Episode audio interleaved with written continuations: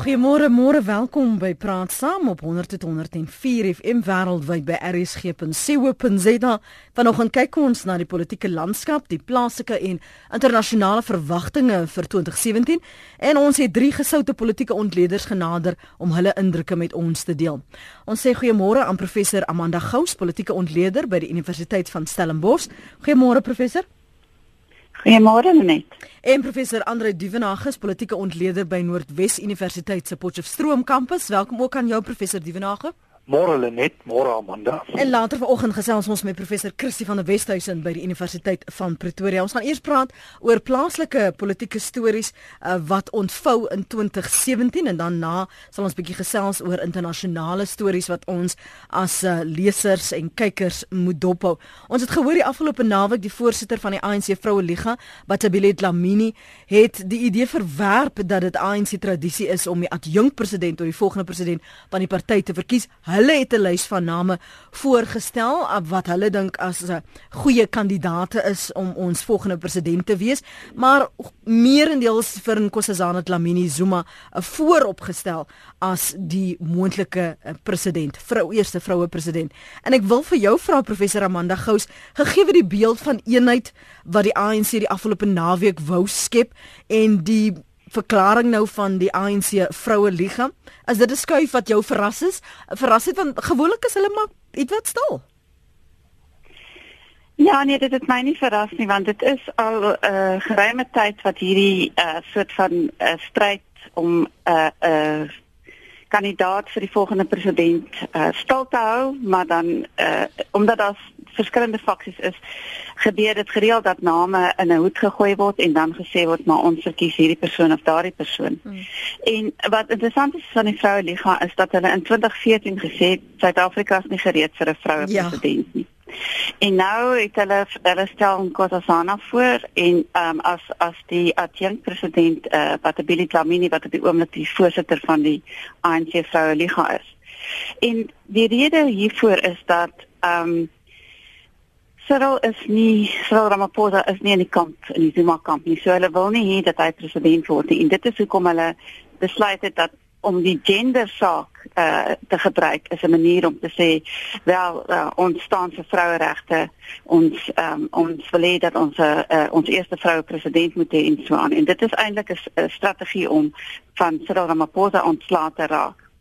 Ehm um, maar die die punt is dat uh die die vroue liga het hulle self nog nooit basies ehm um, beywer vir vroue sake nie. Mm. Uh verlede jaar of die jaar voor dit 2015 het hulle 'n uh, opmars na die Unibou Unigebou gehad uh met die uh onder die vaandel van Hands of Our President.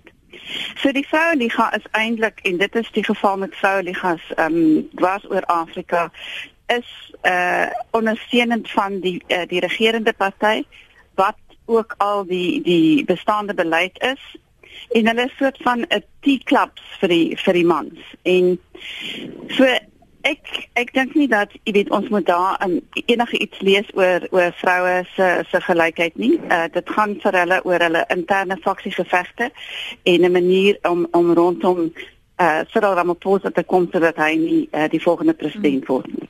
Gegee dit wat jy nou daar sê, is die party wel gereed vir 'n vroue president want ons het gesien in die verlede veral wanneer 'n uh, ministers verkies word word daar groot gewag gemaak dat ons as party doen so baie vir vroue skep geleenthede sien hulle as ons gelyk is maar is dit werklik so? Wel op papier nee en in terme van die mm. feit dat die ANC 'n 50% kwota vir vroue het wat beteken dat ons 45% vroue in die parlement het ja, lyk dit asof of daar 'n groot gewag gemaak word van gelykheid, maar ons moet gaan kyk wat wat die bydrae van hierdie vrouens is en en dit het nog nooit basies neerslag gevind in beleid uh veral van dat uh Zuma die president geword het nie. So jy weet ek dink nie um as 'n mens die vraag sou vra is is ons gereed vir 'n vroue president? Suid-Afrika sal nooit gereed wees vir 'n vroue president. Die meeste lande is nie gereed nie. Kyk wat het met Hillary Clinton gebeur. Die punt is die ruimte moet geskep word en die ondersteuningsstrukture moet in plek gesit word om dit moontlik te maak vir 'n vrou om te regeer. En da daarmee het die ANC nog lank nie begin nie. As ons gaan kyk die die byvoorbeeld die Women's Caucus in die parlement wat 'n uh, oor oor partygrense heen uh basies lede het. Dit is van al die vroue in die parlement. Kon nog nooit van die grond af kom nie. Hulle is dit al drie keer geherloods. En daar is net te veel uh binnengevegte en so die vroue uh in die parlement behoort ook aan verskillende faksies. Mm. En dit gaan vir hulle oor hulle eie oorlewing en oor hulle eie selfbelang. So ons hoef, ons moet nie dink dat vroue noodwendig anders gaan optree as hulle uh in die mag is nie. Hulle behoort aan faksies en ek dink daar's die idee dat ehm um, Nkosazana Dlamini Zuma uh Zuma sal beskerm omdat sy sy eksvrou is. Um, ons weet dat hy groot probleme gaan kry die oomblik as hy nie meer president is nie. Mm. En en of dit, jy weet, 'n uh, 'n uh, regte lees van die situasie is, weet ek nie. Ek weet nie waar sy staan in in terme van haar verhouding met haar eksman nie. Maar om te dink dat jy weet dit 'n groot verskil gaan maak, um, ek dink nie so nie. Professor gepraat van Nkosazana Dlamini Zuma haar statuur en ook haar rekord nou by die Afrika Unie. Is sy het sy die gravitas om 'n uh, president te wees? Ek dink sy is 'n 'n bekwame politikus. Sy was die minister van gesondheid. Uh sy is nou die die hoof van die Afrika Unie. So ja, in terme van daardie tipe ervaring en bekwaamheid en gravitas dit het sy. Maar ons moet nie vergeet dat daar ook 'n skandaal was in haar termyn as die minister van gesondheid, nie die Sarafina skandaal wat daar gegaan het om 'n uh, 'n uh, 'n verhoogstuk te skryf oor vigs uh, vir die jeug en om dit op die planke te sit en die persoon wat hierdie uh die nuusstuk beskryf is betaal maar dit is nooit geskryf of of op die planke gebring nie. En daar het nooit iets uh, enige uh dissiplinêre verhoor teen haar gebeur rondom daardie skandaal nie. Mm. Ehm um, as as dit gaan oor uh bas, basies die tipe van patronaat netwerke, uh vermoed ek dat sy ook haar eie het. Ehm um, maar maar in terme van ek dink as ons as ons wil dink aan aan 'n vroue wat bekwame is binne die ANC, dan dink ek iemand soos Naledi Pandor het 'n baie goeie trek rekord as minister van ehm um, wetenskap en tegnologie as 'n uh, uh, minister uh, van binnelandse sake. Ehm um, en iemand wat wat 'n uh, uh, uh, persoon met 'n doktorsgraad wat die akademiese aspekte van beleid maak verstaan sowel as die politieke aspekte. Maar ons hoor nooit Pandor se naam nie want Pandor is nie in die Duma faksie nie. So jy weet ek dink as as dit gaan oor die vrouens wat in die Duma faksie is byvoorbeeld wat Tabini uh, Batabili Dlamini. Ehm um, sy is nie 'n bekwame minister nie. uh, uh, sy is die minister van ehm um, sosiale ontwikkeling. Terwyl sy hierdie minister is wat sy nou nog steeds is, het, het goed skeef geloop. As ons byvoorbeeld kyk nou na die SASSA uitbetalings van die sosiale toelaas. Die die privaat maatskappy wat dit gedoen het, het het totaal nie was nie suksesvol nie. Daar was 'n hele klomp korrupsie wat aangegaan het. Nou is die diens van hierdie privaat maatskappy gestop. Nou gaan die regering dit self, die departement van sosiale ontwikkeling gaan dit self uitbetaal. Hulle het net hierdie week aangekondig dat hulle het nie eintlik hulle is hmm. nog nie gereed om dit te doen nie, maar hulle moet dit van volgende maand af doen of van maart maand af moet hulle dit doen. Nou, weet dit is dit is 'n totale krisis want 17 miljoen mense is afhanklik van daardie uitbetalings. Ja, so ek meen om na te dink as die visiepresident dink ek net in in jy weet mm. in my opinie is is gek. Dis die stem van een van ons gaste vanoggend, professor Amanda Gou, sy is 'n politieke ontleder by die Universiteit van Stellenbosch. Ons het drie politieke ontleders gevra om hulle insigte met ons te deel vir die politieke landskap van 2017. Uh, vir nou fokus ons eers op ons plaaslike verwikkelinge en wat ons te wagte kan wees en daarna sal ons oorskuif na die internasionale uh, vlak toe. Professor Dievenage, jy het nou geluister wat professor Gou sê. As ons praat oor die leierskapstryd uh, en ek wil net vir 'n oomblik daarby stil staan. Die kandidatuur wat wat genoem word, is dit goed genoeg vir wat Suid-Afrika nou nodig het? Lenet, ek dink die leierskap op die oomblik binne die ANC is maar baie dun. Ek stem met Amanda heeltemal saam. Nkosazana Dlamini Zuma is miskien prominent in vroue kringe, maar ek moet eerlik sê haar leierskap en haar vermoë om 'n land te bestuur is maar vir my uh, op die oomblik effens problematies. uh Batamile Dlamini is waarskynlik nog meer problematies. My kyk op hulle keuse en ook die tydsberekening van die aankondiging gister rondom Nkosazana Dlamini Zuma is vir my wel baie interessant. Ek wil eerstens noem dat by gister se toespraak meneer Jacob Zuma nie gepraat het as 'n leier nie, maar hy hy's iemand wat gepraat het onder die uh, voogdyskap van die nasionale uitvoerende komitee. En dis duidelik wat hy ook gesê het, spreek dikwels teen sy eie optrede. Die aankondiging van Nkosazana Dlamini Zuma as 'n kandidaat is 'n poging om sy nalatenskap, sy legacy en sy politieke belang te probeer handhaaf. Aan die ander kant by die uh, anti-Zuma groep is die mees prominente leier op die oomblik meneer Cyril Ramaphosa.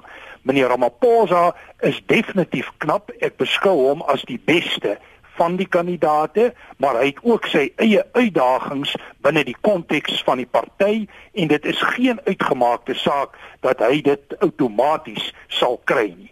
'n derde kandidaat wat ons redelik sterker begin sien die laaste tyd is meneer Zweli Mkhize mm -hmm. en ek dink meneer Zweli Mkhize is 'n belangrike faktor om die Zulu groep te mobiliseer spesifiek die afvallige groep teen meneer Jacob Zuma. So dit lyk vir my aan die een kant Nkosazana Dlamini Zuma en aan die ander kant het ons die twee kandidate Mkhize en Cyril Ramaphosa.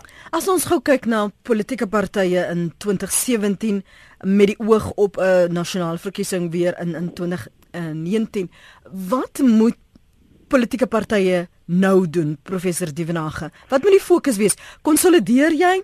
Mobiliseer jy skep nuwe 'n generasie van kiesers of volgelinge of herposisioneer jy? Wel, is 'n klomp dinge wat politieke partye op hierdie stadium moet doen. My kyk is dat politieke partye op die oomblik almal in 'n fase van herposisionering is. Die politieke spektrum in Suid-Afrika is besig om radikaal te verander en alle politieke partye van regs tot links as jy daai kategorieë wil gebruik is in 'n fase van herposisionering. So in daai sin is dit belangrik dit het beleidsimplikasies, dit het strategiese implikasies. Maar die kerntaak van enige politieke party is om steun te organiseer en te mobiliseer en dit is die hooftaak en op die oomblik is dit juis daar waar die ANC as 'n party met groot uitdagings gekonfronteer word. Sy takke is nie goed georganiseer nie. Sy strukture is dikwels konflikterend met faksiegevegte wat prominent is. Die hele bestuur van die party, sy lidmaatskap grondslag is nie baie goed nie. Ons hoor gereeld hier in Noordwes en die Vrystaat van spooktakke. So wat die ANC aanbetref, is daar baie groot werk om te doen in die opbou na 2019. Ons het gesien dat hulle in die 2016 verkiesing, die plaaslike verkiesing, so wat 10% steun verloor het. Hmm. Maar dieselfde geld ook die Demokratiese Alliansie, dit geld ook die Vryheidsfront Plus, dit geld ook die EFF. So dit is die basiese eis en uiteraard is daar ook 'n nuwe generasie kiesers met nuwe belange en nuwe behoeftes en partye moet daardie belange artikuleer en probeer vorentoe neem en rondom beleidsraamwerke steun mobiliseer. Professor Dievenage, ek sê uh, professor Gous, professor Dievenage verwys na ons steun organiseer en mobiliseer. Wie op die oomblik doen dit die beste? Want baie sê as jy 'n ge jonger gehoor of dan nou uh, kiesers wil trek, dan speel die EFF in daardie groepering in, maar hulle is ook verdelend. Wie doen dit die beste en of wie moet nog skaaf aan die wyse wat hulle benadering is, hulle bestaande benadering is? Ja, ek dink um, as ons praat van suksesvolle mobilisering uh in terme van 'n verkiesing dan is dit die die DA as ons gaan kyk hoe hulle gemobiliseer het uh, vir die plaaslike verkiesing verlede jaar die feit dat hulle die groot metros gewen het uh, van die ANC uh, wys dat hulle hulle hulle strategie was goed dit wys dat hulle ook 'n nuwe uh kiesers getrek het en dat hulle ehm um, suksesvol kan wees by die stembus. Maar daar is 'n kategorie van stemmers die van uh tussen 18 en 25 en miskien 18 tot 30 wat in 'n sin baie onbetrokke is en apaties is en baie van hulle wat ook voel dat die die regerende party nie uh, hulle behoeftes aanspreek nie. En dit is veral die die uh jong mense van arm woongebiede uh met lae vlakke van onderwys wat 'n uh, uh, uh, hulle plek, hulle ruimte gevind het uh, by die EFF. En uh, so daai is 'n meer populisties ingestelde party wat mense trek rondom 'n charismatiese leier soos Julius Malema en 'n sekere anti-wet, anti-kapitaal uh, ehm um, retoriek.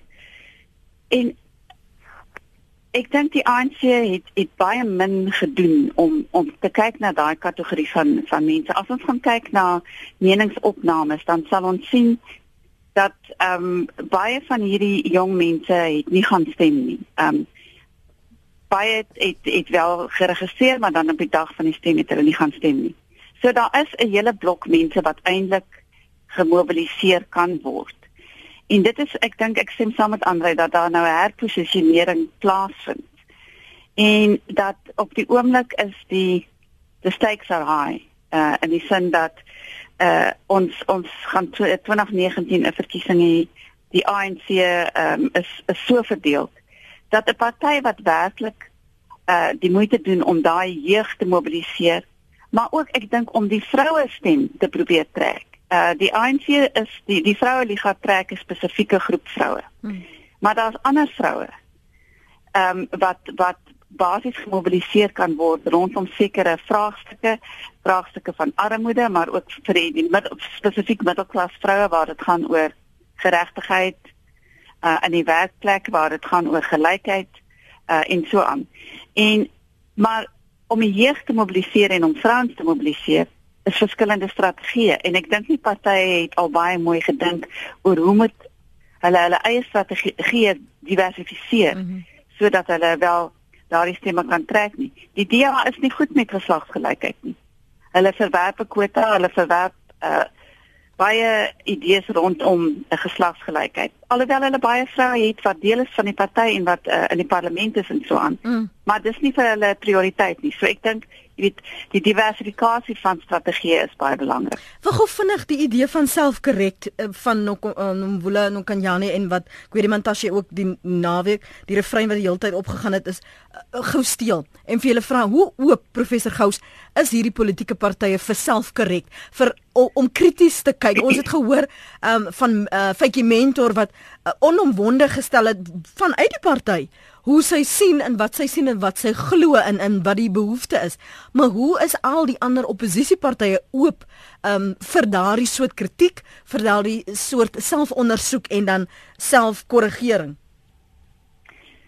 Ja, ek dink ehm um, vir die ANC selfkorreksie is 'n is 'n slogan, né? Dit is nie ek weet nie of dit eintlik vreeslike ehm um, inhoud het nie. Ek dink wel dat die DA die vermoë het om om uh, selfkorreksie toe te pas. As ons gaan kyk na die kritiek wat gelewer is op die die feit dat die DA gesien is as 'n wit party met 'n apartheid geskiedenis, hoe die leierskap van daardie party die die uh, party herposisioneer het, uh baie uh middelklas swart mense getrek het om om vir die DA te stem en so aan. So hulle is oop om te luister na kritiek ek is nie seker alle kritiek nie. Ek dink eh uh, kritiek rondom kapitalisme en so aan is hulle minder gevoelig voor. Maar ek dink as die die slagspreuk eh uh, gebruik word, is dit om te sê ons is besig met selfkorreksie. Is dit basies om die indruk te skep, maar nie werklik om om iets werkliks te, te doen nie en Ek dink as die ANC bereid was om dit te doen, dan sou ons 'n ander tipe toespraak gesien het gister. Mm. Een waar in hulle hand in eie boesem gesteek het en gesê het hierdie is ons tekortkominge. Dit is hoe ons dit wil aanspreek. Maar dit was weer eens die die goeie boodskap, die rooskleurige boodskap van hoe goed dit gaan gegaan het met die ANC tot dusver, die rol van uh die oud stryders en so aan. Ja, so ek ek is nie, jy weet, ek is nie baie hoopvol dat uh, die idee van selfkorreksie werklik 'n ernstige een is nie. Dis praat saam 26 minute oor. Ag, jy's welkom om saam te gesels. Bel ons gerus op 089 1104 53 553 vergewe my 0891104553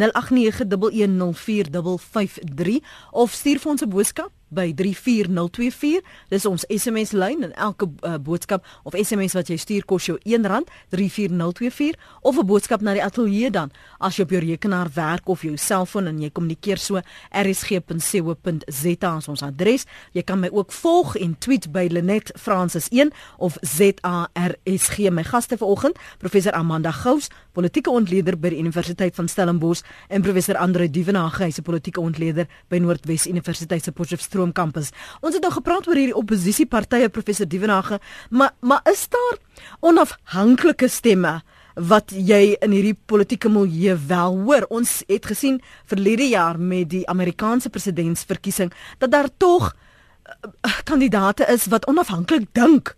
Ehm um, hulle vorder nie altyd so ver nie, maar jy het byvoorbeeld ehm um, Bernie Sanders wat anders dink as Hillary Clinton, maar tog vanuit dieselfde party kom. Is daar in Suid-Afrika daardie onafhanklike stemme? En, net ek is ek is bevrees as ons na die groter geskiedenis van Suid-Afrikaanse politiek kyk en nou kyk ek selfs na die periode voor 94, dan is die ruimte vir onafhanklikes baie beperk en ons het dit ook nou gesien met die plaaslike verkiesing waar onafhanklike kandidaate relatief onsuksesvol was. As ons kyk na binne die konteks van 'n party, moet ek eerlik ook sê ons partye in die algemeen is baie gesentraliseer. Hulle word baie gebou rondom die politieke paradigma 'n bepaalde leier soos Jacob Zuma, soos Thabo Mbeki, soos Helen Zille, soos Pieter Mulder en dan is daar eintlik baie min ruimte vir onafhanklike denke. En dit maak baie keer die oorgang van een leier en een generasie na die volgende baie moeilik. Maar in die algemeen is die ruimte vir onafhanklike denke binne 'n party beperk. Ons partye is redelik streng op hulle beleid en ek wil saamstem met Amanda dat die vermoë tot selfkritiek baie beperk is. Ek dink partye in die algemeen het 'n neiging om hulle eie identiteit en politieke ego te probeer handhaaf en soos jy uitbeweeg vanuit 'n gematigde omgewing na 'n meer radikale omgewing, dan word dit sterker. Maar die lyn van onafhanklikes in ons politiek is histories gesproke 'n beperkte lyn met 'n beperkte impak.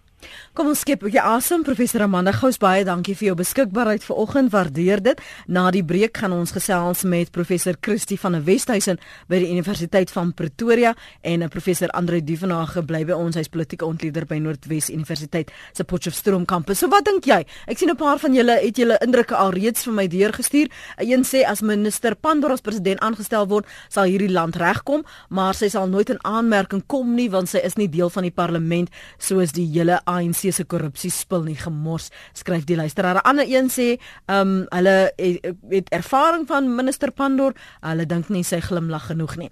Ehm um, en dan sê nog 'n een waar is dit ehm um, die president wil sy eksvrou as president hê want sy moet hom uit die tronk hou sê Mani daar op Hartenbos. Wat is jou indrukke? Hoe sien jy ons politieke landskap op die oomblik? Ons het vir o die eerste uur, ekskuus tog halfuur vergewe my, meer gefokus op die plaaslike politiek. Ons gaan nou beweeg na internasionale politiek. En natuurlik ook het dit 'n impak op ons plaaslike politiek en wat ons oor organisasies hier doen. Uh, ook veral die oppositiepartye wil graag van jou hoor. 0 0891104553 of jou SMS na 34024 en dit kos jou R1 en 'n paar wat sê moenie vergeet van die werkersparty wat binnekort geloods word nie. So ja, daar's interessante uh, aspekte dalk gaan professor Divenage daarna ook verwys die werkersparty, die moontlikhede wat dit bied, um, ook vir oppositiepartye en waar hulle hulle steunbasis sal wil vergroot. Ons verwelkom nou vir, vir, vir professor Christie van der Westhuizen, sy's by die Universiteit van Pretoria. Goeiemôre Christie. Môre net, laat ons sommer dit weer. Baie dankie vir jou beskikbaarheid. Ivan Meyer skryf op ons webblad uh, www.rsg.co.za die internasionale geopolitiek die wankelende BRICS SA se fiskale krisis gaan almal 'n impak hê op Suid-Afrika se binnelandse politieke landskap. SA benodig dringend morele ekonomiese en politieke leierskap. Daardie leierskap gaan vanjaar al hoe meer buite die ANC plaasvind. Geen enkele leier uit die ANC kringe kan Suid-Afrika meer red nie. Die ANC leef in die verlede en daar kan geen hoop vir uh, Suid-Afrika en kan dan geen hoop vir Suid-Afrika bied nie. Die toekoms van Suid-Afrika lê buite die ANC en wel in 'n veel party demokrasie. Ons het nou meer politieke ekonomiese leierskap nodig omdat ons ekonomie tans slegs met 0,5% groei. Die ekonomie moet sentraal staan op die politieke agenda in 2017. So as ons 'n oorsig gee of ons indrukke van wat die verwagtinge vir 2017 plaaslik is, uh, Christie, stem jy saam met Ivan Meyer dat dit buite uh, die ANC moet plaasvind as ons soek na morele, ekonomiese en politieke leierskap? Ja, kyk, ek dink dat die die ANC is in 'n terminale krisis en ehm um, daar's geen aanduiding dat daar binne die party in hierdie stadium werklik waar die leierskap is wat wat wat Suid-Afrika benodig nou nie. Ook in 'n in 'n wêreld wat wat werklik baie meer kompleks geraak het sedert Brexit verlede jaar en sedert uh, die Trump oorwinning ook ook verlede jaar. So ehm um, so ek dink ehm um, die ANC is so besig om om krisisse te probeer hanteer binne die party en om en om uh en of dit in, in faksionele gevegte weet ehm um, weet sekere posisies te probeer behou of of te besweer dat hulle nie uiteindelik uitkom eers by regering van die land nie, nie om nie eens te praat werklik van van hierdie internasionale uh uh eise wat wat ons in die gesig staan nie. So ehm um, iemand soos Ramaphosa, jy weet so Ramaphosa in in eie reg, weet sonder die sonder kompleksiteit binne die ANC sou waarskynlik weet 'n goeie leier kon gewees het maar die die situasie binne die party in die algemeen het so hand uitgeruk dat ek dink hy het nie hy, en hy hy kon toe dit van nie genoeg steun op hom op hom vergader hmm. om regtig waar rigting te gee vir die party nie. So ek dink werklik waar die ANC is, die ANC se krisis is ook ons krisis en ehm um, en weet ek kan nie uh, maar ek kan nie wag tot ons uitkom by die nasionale konferensie in Desember nie want hierdie jaar gaan vir ons hel wees in die in die in die in die in die ritsin toe kan ek nou vir jou sê. Skiet dat ja. ek skiet dat ek lag. Ons soek 'n sprankeltjie hoop hierso. Ons wil nie ons wil nie ons wil nie te vinnig daarby uitkom nie, maar maar professor Dievenage, sy sê dit gaan 'n 'n hellish ride wees. Ons pad na hel. Maar maar kan ons net gou vir jou vra as jy nou kyk na na wat ons tot dusver gesien het en waarheen ons op pad het en en kyk die die ANC um het self gesê dat hulle moet dringend um bestekopname neem van die steen wat hulle verloor het en wat hulle strategie moet wees en in die afwesigheid van strategie doen elke een maar sy eie ding op die oomblik. Wil ons so vinnig moontlik by daai um gesprek uitkom Julie later in Desember soos wat Christie ons wil verhaas Ja, ek dink Christie is reg as sy sê dit gaan 'n baie moeilike jaar wees. Uh as ek net terug kan kom op meneer Iwan Meyer se stellings, ja. ek dink hy is reg, maar hy is ook verkeerd. En ek dink waar hy reg is, het Christie reeds belangrike goed gesê waar hy nie reg is nie. Ons moet een ding onthou, die ANC het 'n substantiëre steunbasis. En as die ANC sy steunbasis verloor, gaan ons definitief 'n gebrek aan stabiliteit kry in die land en dit mag selfs die grondwetlike bedeling dan in gevaar stel. In 'n sekere sin is 'n stabiele ANC ook belangrik vir 'n stabiele Suid-Afrika. En die aanduidings op die oomblik is dat die ANC baie onstabiel is, dat hy selfs in 'n ekstreem 'n skeuring kan ervaar. Die voorlopige aanduidings is dat daai skeuring selfs 'n 50-50 skeuring gaan wees. Maak nie saak wie die leier gaan wees nie of dit Nkosazana Dlamini Zuma, Zweli Mkhize of selfs uh, Cyril Ramaphosa gaan wees, uh, gaan daardie persoon te maak hê met weerstand van binne die party. So op die oomblik is dit 'n dinamiese omgewing wat vir ons groot onsekerheid bring. As ons dan die verdere lyn trek en ons kyk na die politieke ekonomie, weet ons daar is groot uitdagings op daai vlak die ekonomie groei nie, werkloosheid styg, sosiale onstabiliteit, sosiale kohesie is 'n groot probleem. As ons kyk na die staat en die funksionering van die staat, is daar ernstige uitdagings. So dit is 'n moeilike jaar, maar ek wil tog sê en hier kan mens maar weer gaan teruglees na wat iemand soos die eerste minister Jan Smuts gesê het, ons is nooit heeltemal 'n land van ekstreme nie. Ons balanseer op 'n manier tog iewers na die middel toe. En miskien is dit ons hoop, maar laat ons baie sterk leierskap op die oomblik benodig om ons polities, ekonomies en sosiaal te kan vorentoe neem. Daaroor het ek geen twyfel nie. Op die oomblik is die beste kandidaat vir my om dit te hanteer mm. is meneer Cyril Ramaphosa, maar ek weet hy het sy beperkings. Mm. Ek dink ek kan ook net hier inkom en mm. praat oor die burgerlike samelewing want ek dink baie positief was verlede jaar. Weet ek mm. ek stem baie van met wat eh uh, professor Dievenag sê die um, maar, maar maar maar ook betreffende wat uh, weet positiewe tekens wat ons kan kan kry uit verlede jaar se se aktivisme en en aksies wat onderneem is is dat ons burgerlike samelewing is is ook nou het ook nou genoeg gehad jy weet. So ons het ons het belangrike optogte gesien die South South South Africa eh uh, veldtog wat aan stapel gestuur is belangrike ehm um, en en en werklik waar ek dink ehm um, begin so vaste leierskap van mense Sipho Petiana, Bani Petiana en daar is soort mense ehm um, so ek dink dit is nou ook baie positief ehm um, en en wat ook verder ehm um, uh, ek dink aansluit by die hele punt dat Suid-Afrika is 'n is 'n komplekse samelewing en ehm um, weet wat ons anders maak van van talle ander lande in Afrika en dat ons het ons het 'n komplekse infrastruktuur en en weet van van van politieke belange kan hmm. mense sê en verskillende politieke sentrums ook. So hoewel die ANC baie belangrik is, ehm um, het ons ook ander politieke sentrums of ander sentrums van mag in ons samelewing en hulle hulle tree nogal hulle kan nogal optree teen mekaar of in ondersteuning hmm. van mekaar en ek dink dit kan ons demokrasie ook verder uh, verskans. Hmm. Maar maar maar ek dink ons hoop op op op den ys want want mense hoor ook um, al al meer anti-grondwet tipe van praatjies hmm. wat kom ook uit studente geleedere en so aan. Hmm. En ek dink dit maak mense bekommerd. So ons grondwetlike bedeling is nie op die, op hierdie stadium presies so veilig en weet jy wat is wat dit was sê maar 10 jaar gelede nie. Daar's definitief meer en meer tipe van alternatiewe wat mense begin optel. Jy jy verwys nou na hierdie nie regeringsorganisasies voorspel jy dat ons gaan sien dat daardie onafhanklike stemme daardie bewegings groter momentum in hierdie jaar gaan kry? Ja, nee, definitief. Ek ek dink dat dat ehm um, weet mense weet ek dink in die verlede wat wat wat gebeur het met die ANC in die 90's is dat baie van ons mees talentvolle mense in die burgerlike samelewing het in die ANC ingegaan en in, in regeringsposte in staatsposte en so aan en dit het die burgerlike samelewing baie verswak. Nou dat die ANC self so verswak is, en en werklik wel korrupsie 'n ongelooflike probleem daar geword. Mm -hmm. Spesifiek met die Zuma faksie.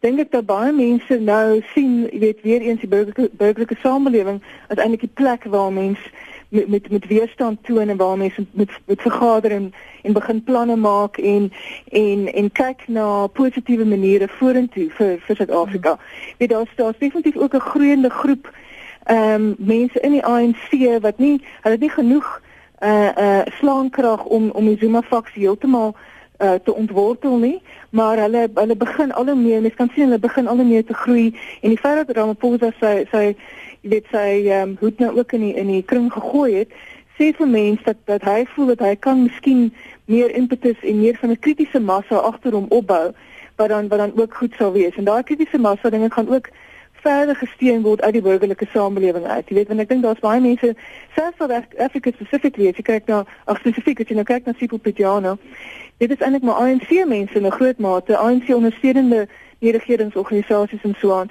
wat wat ook wil wil spesifiek hê dat die ANC self gesuiwer moet word van hierdie korrupte element wat so sterk 'n uh, hou vas op die party gekry het. Hmm. So as jy saam wil gesels as jy baie welkom. 0891104553 uh, byna byna groetheid. Ons moet nog ook hoor wat die verwikkeling daar by die Dakar tydren is. Pierre Koetse wil vinnig sy mening deel. Goeiemôre Pierre Môre Lenet. Lenet ek wil graag vir professor Dievenage weet. Hierdie uh, saak wat meneer Eybrims en uh, die president uh, na die appelhof toe is omtrent die uitspraak wat die appelhof gelewer het dat meneer Zuma vervolg moet word, moet nou afkom. Ons moet nou maar spekuleer, maar ek kan nie sien dat 11 regters teen hulle eie uitspraak gaan geleer gaan uh, draai nie. Hoe wat dink jy wat kan gebeur en uh, gaan hulle uh, uh, die president skuldig vind of wat. OK, goed Pier. Professor Divenage. Eh uh, net ja, dit is ek is nou in 'n moeilike posisie. Ek wil nie graag hier 'n regsuitspraak mm -hmm. maak nie, maar die getuienis dui daarop dat meneer Zuma ernstige probleme het en op grond van die getuienis wat ek gesien het en die wyse hoe ek dink dit behoort geïnterpreteer te word, is die kans baie goed dat meneer Zuma soos met die Nkandla skandaal ook hier skuldig bevind kan word. Ons moet natuurlik ook onthou dat die werklike groot saak is die spionasiebande saak wat ook in hierdie tyd na vore kom en dis vir my baie duidelik meneer Zuma ervaar baie groot druk vanuit die regbank en hier miskien my perspektief op meneer Zuma dis vir die nasionale uitvoerende komitee van die ANC duidelik daar moet 'n manier gevind word om meneer Zuma uit te bestuur uit die politiek. En dit is die proses wat ons op die oomblik sien vir meneer Zuma is dit kernbelangrik om iemand te kry wat sy saak goedgesind is want hy het self gesê en hy het self die som gemaak dat indien hierdie saake afkom daar 'n groot waarskynlikheid is dat hy in die tronk kan eindig. So my kyk op die saak is dat indien die die regbank gebalanseerd is en in hulle uitspraak gebalanseerd is, behoort meneer Zuma skuldig bevind te word. Hier's 'n SMS wat vra en ek gaan dit eers in jou kampie gooi, Kirsty. Lenet, lyk my ons moet so lank ons tasse pak, maar waarheen gaan 'n mens? Nou sien ons in Europa is terreer. Engeland sukkel om sin te maak met oor Brexit. Amerika moet sin probeer maak van hulle nuwe president uh, tra, Donald Trump en wat dit vir hulle gaan inhou. So waarheen gaan ons ons tassies pak en waarheen bespreek ons 'n vlug? Ek dink op hierdie stadium is die wêreld so onstabiel dat uh, ek sou eintlik maar sê bly maar by die by die demone wat jy ken, jy weet. So ehm um, jy weet in Suid-Afrika weet ons ten minste waar ons te doen het. Ek dink bly maar hier en veg veg die gevegte hierso. Wie die die ehm um, een van een van die positiewe goed natuurlik is dit ons is 'n jong demokrasie.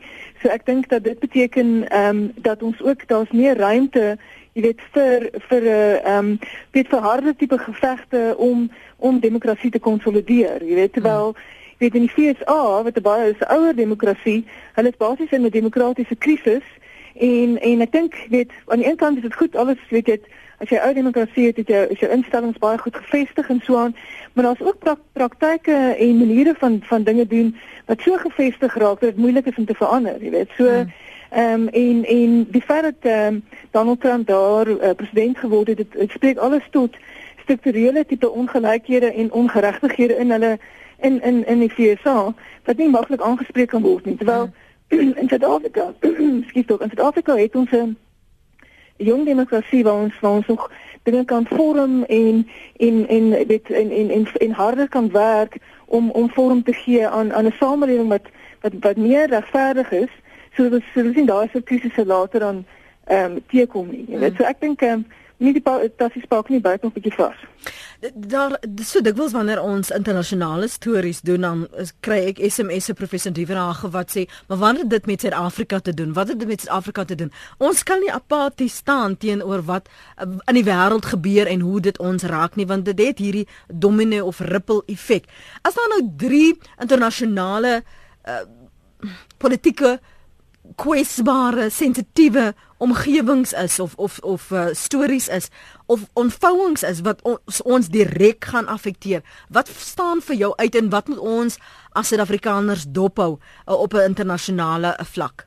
Lenet is vir my baie duidelik dat uh, die wêreld staan in 'n fase van snel verandering van heroriëntasie en in daai tyd is daar gewoonlik groot onsekerheid. Hmm. Die een omgewing op die oomblik wat baie onseker is, is die Amerikaanse politiek en spesifiek hoe meneer Donald Trump sy beleid gaan identifiseer en daai beleid gaan implementeer en hoe dit Suid-Afrika kan raak. En miskien kan ek hier die breër beginsel stel: geen staat, geen belangegroep kan in isolasie van 'n globale wêreldkonteks funksioneer nie. Daarom het dit 'n direkte impak op die Suid-Afrikaanse politiek. Die tweede omgewing wat ek dink vir ons kernbelangrik is, is die posisie van ons grootste handelsvernoot China en China se posisie raak dikwels meer kontroversieel in wêreldterme. Mens dink aan Chinese ekspansionisme, jy dink aan die Chinese invloed in die breë Afrika konteks. So daar is dit belangrik. Die derde omgewing wat ek hier wil identifiseer is Wes-Europa. Ons het steeds baie sterk bande met Wes-Europese state. Ons sien die opkoms van meer sentrumregse politiek in Wes-Europa wat in belangrike opsigte fundamenteel verskil met die tipe beleid van die Suid-Afrikaanse regering. Ons gaan groot verkiesings in die jaar in sommige Wes-Europese state hê, waaronder Frankryk en Duitsland en ek dink dit kan belangrike implikasies hê, maar nader en dis die vierde omgewing Afrika en Suider-Afrika het ook 'n direkte invloed op Suid-Afrika.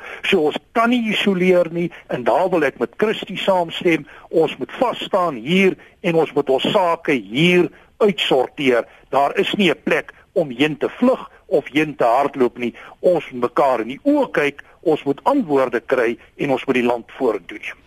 Jy het nog 'n minuut as jy iets wil byvoeg, Christie? En dis waarmee ons gaan groet. Ja, nee, uh, dankie net. Ehm um, kyk, ek dink ehm um, dit is dis baie waar uh, wat professor Diemen nog gesê het daaroor in terme van internasionale konteks waarin ons osself bevind en um, en ek dink dat ehm um, uh, ek dink dis moet werk vir mense wat met bietjie gaan kyk na die laaste mail in Guardian waar Achille Mbembe 'n belangrike stuk geskryf het oor hoe die era van liberale demokrasie is basies in 'n in 'n ongelooflike krisis en dit maar is waarskynlik op sy einde en dat ons kyk nou na 'n tipe van opvlamming van fasisme, jy weet, um, in in mm. verskillende wêrelddele. En en ons 'n bietjie net ons rigting van die die omstandighede wat gelei het aan die Tweede Wêreldoorlog.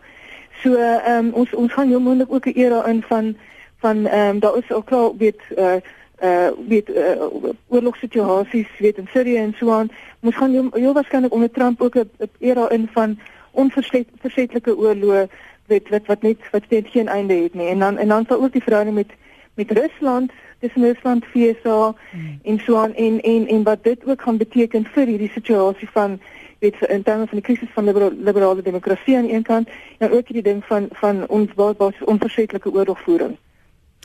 Wel, ons sal moet baie lees en ons ore op die grond hou en by die radio om ingelig te bly en te sien hoe die wêreld verander en hoe ons lewens daar deur beïnvloed word. Baie dankie aan professor Christie van die Wesduisen by die Universiteit van Pretoria, professor Andre Dievenage by Noordwes Universiteit se Potchefstroom kampus en vroeër vanoggend ook professor Amanda Gous, politieke ontleder by die Universiteit van Stellenbosch. Baie dankie vir julle insette hier op Praat Saam.